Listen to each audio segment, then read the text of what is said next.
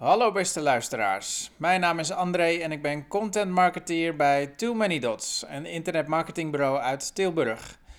Wij zijn specialisten in het bedenken, ontwerpen en bouwen van converterende websites. Regelmatig lees ik een blogpost voor. Nu lees ik het artikel voor met de titel Digitale toegankelijkheid, WCAG uitgelegd. Daar gaan we. Teksten lezen en over websites navigeren is lang niet zo vanzelfsprekend voor iedereen. Hetzelfde geldt voor video's bekijken en beluisteren. Voor wie een lichamelijke, zintuiglijke of cognitieve beperking heeft, zijn standaard websites eerder afschrikwekkend dan uitnodigend.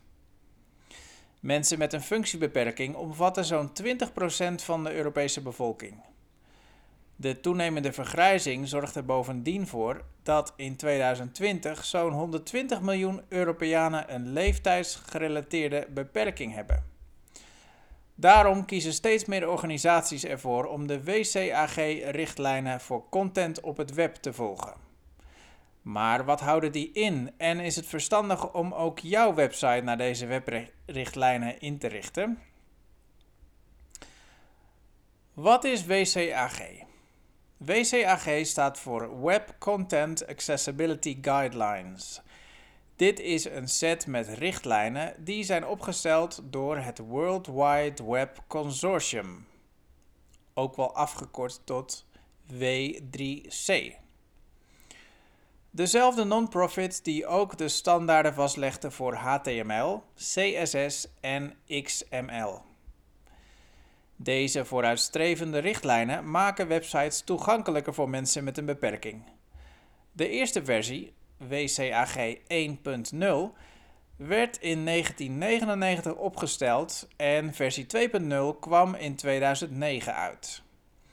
WCAG 2.1, die vooral rekening hield met mobiele apparaten, kwam in 2018 uit.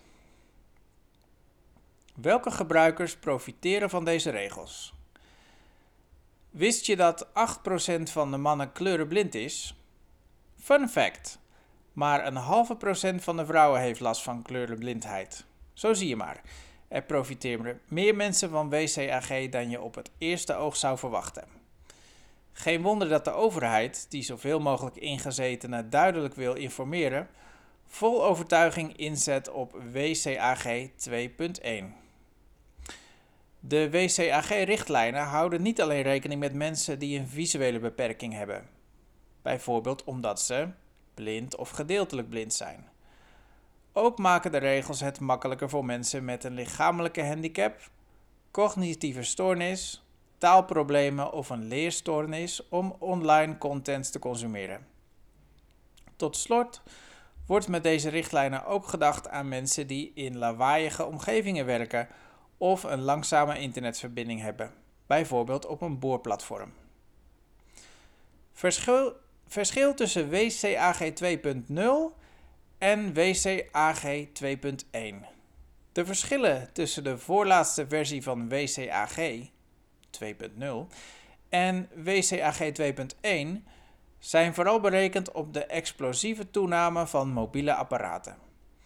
Daarom moeten websites even goed toegankelijk zijn in landscape als in portrait. Navigatiemenu's dienen ook zonder muis uitklapbaar te zijn. Als iemand een formulier invult of een artikel in een winkelmandje doet, dient een site een statusbericht te, tonen zodat de gebruiker weet wat er verandert. Ook moet de accessible name, het stukje code dat buttons zoekvelden en afbeeldingen aan spraakgestuurde browsers omschrijft, hetzelfde zijn als de tekst die erop, in of bij staat voor ziende gebruikers. Wat schrijven de richtlijnen voor? De nieuwste versie van dit document, WCAG 2.1, werd in 2018 gepubliceerd.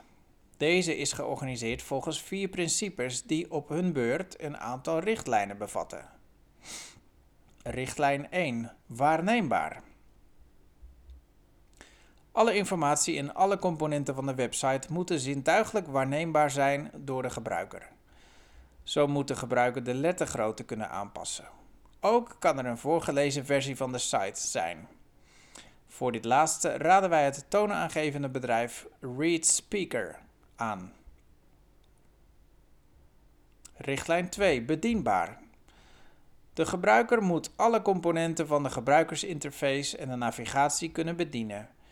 Dat betekent bijvoorbeeld dat een website niet verplicht met een muis bedienbaar mag zijn, maar dat het ook mogelijk is om met het toetsenbord over de pagina's te navigeren. Richtlijn 3. Begrijpelijk. De informatie en het gebruik van een website moeten goed te begrijpen zijn voor de gebruiker. Daarom bestaan er richtlijnen over vertalingen, woordgebruik, afkortingen en het leesniveau. Richtlijn 4. Robuust. Dit principe zou je ook als tijdloos kunnen opvatten. Uiteenlopende soorten internetbrowsers en technische hulpmiddelen moeten jouw content kunnen lezen. Niet alleen nu, maar ook wanneer de techniek voortschrijdt, moet de content compatible blijven. De richtlijnen zijn te toetsen op basis van succescriteria. Deze bepalen op welk niveau de website aan de nieuwste WCAG-regels voldoet. Drie niveaus: A, AA, AAA. Websites kunnen WCAG 2.1 compliance bereiken op drie verschillende niveaus.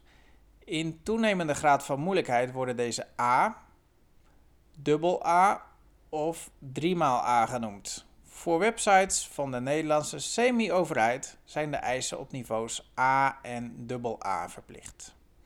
Niveau A 30 eisen.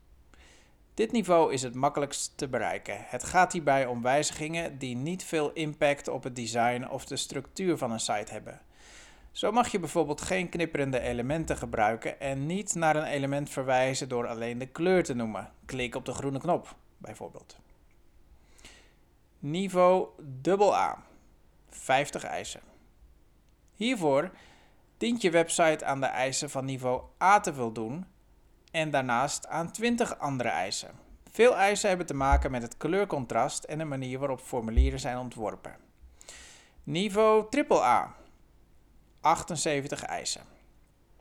Het hoogste niveau van WCAG 2.1 compliance is AAA. Jouw site dient hiervoor aan alle eisen voor niveau AA te voldoen, plus 28 extra eisen.